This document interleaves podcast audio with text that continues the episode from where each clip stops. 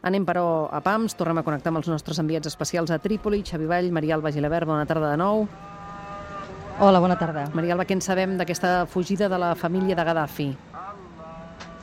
Doncs s'ha produït exactament a tres quarts de nou del matí el seu pas eh, per la frontera amb Algèria, un destí que s'havia rumorejat molt, que era l'únic potser que li quedava eh, com a possible al Gaddafi, als seus fills, eh, l'únic país amic dins d'aquesta zona que podia donar-li aixopluc.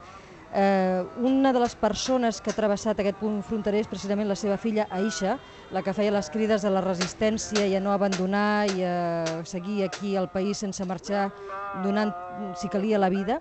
Aquesta és una de les persones que ha fugit per la frontera i anaven la seva mare, Safia, i els seus germans Ali i Aníbal. És una notícia que no ens arriba encara per fonts eh, oficials eh, líbies, sinó confirmada pel Ministeri d'Afers Estrangers algerià, o sigui, el país receptor d'aquestes persones. Amb aquests eh, quatre adults viatjaven alguns nets del dictador, Desconeixem ara el seu parador, però és molt possible que segueixi el seu camí i recordem que en aquest camí que va de Trípoli fins a Algèria hi ha una població que es diu Saba.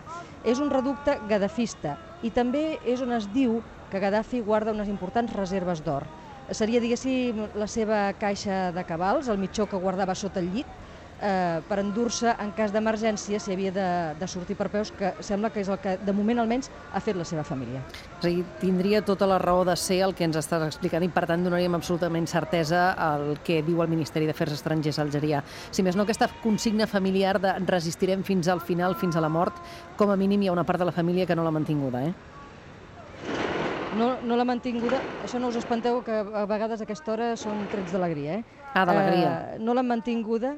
Sí, Està bé la diferència. Aquí ens barregem les celebracions, eh, les celebracions amb els, amb els combats, però portem un dia a Trípoli que, francament, molt relaxat i es, es veu la diferència, és curiós com acabes aprenent la diferència entre les celebracions i, i les bufetades. Sí? Pots, fi, pots, pots descobrir dient, quina és la eh, diferència del tret entre una celebració i un combat? Sí, i amb l'ajuda del Xavi encara més. Encara més, molt bé. té Som molt bona orella. uns experts. Sí. Escolta'm, el que sí està clar és que els, els combats s'han traslladat, eh, o no sé si sabem alguna cosa més del que està passant a Sirte, no? A Sirte. A Sirte no hi podem arribar, ho uh -huh. hem Mhm. intentat. Eh, hi ha uns 450 quilòmetres. Eh, la carretera a partir de Misrata, la ciutat eh, màrtir, la Sarajevo, diuen, d'aquí de Líbia, no es pot passar més endavant i hi ha combats, hi ha hagut bombardeig de la OTAN aquesta nit i hi ha combats importants. El que passa és que també s'està intentant negociar la rendició perquè com que seria, es diu que seria una batalla molt més important que la de Trípoli, també s'esperaria més sang, no? i per tant això és el que volen ara evitar, i més veient que la família de Gaddafi ja fuig, vull dir que això està més que finiquitat, almenys des d'aquest punt de vista. Clar que hem d'esperar que aquí a Líbia també confirmin la notícia que ens arriba del Ministeri d'Exteriors algerià, però vaja, si no és certa ja podem plegar, no? Sí, esperem que sí. Com a mínim sabem del cert, en tot cas, que quedarien dos fills encara a Líbia, no?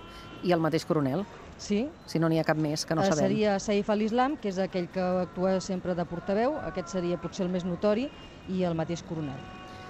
Perfecte, doncs continuem pendents de les informacions que ens arribin i si finalment Líbia confirma el que diu el Ministeri d'Afers Estrangers d'Algèria. Gràcies, companys, per la feina. Adéu-siau, bona tarda. Adéu, bona tarda.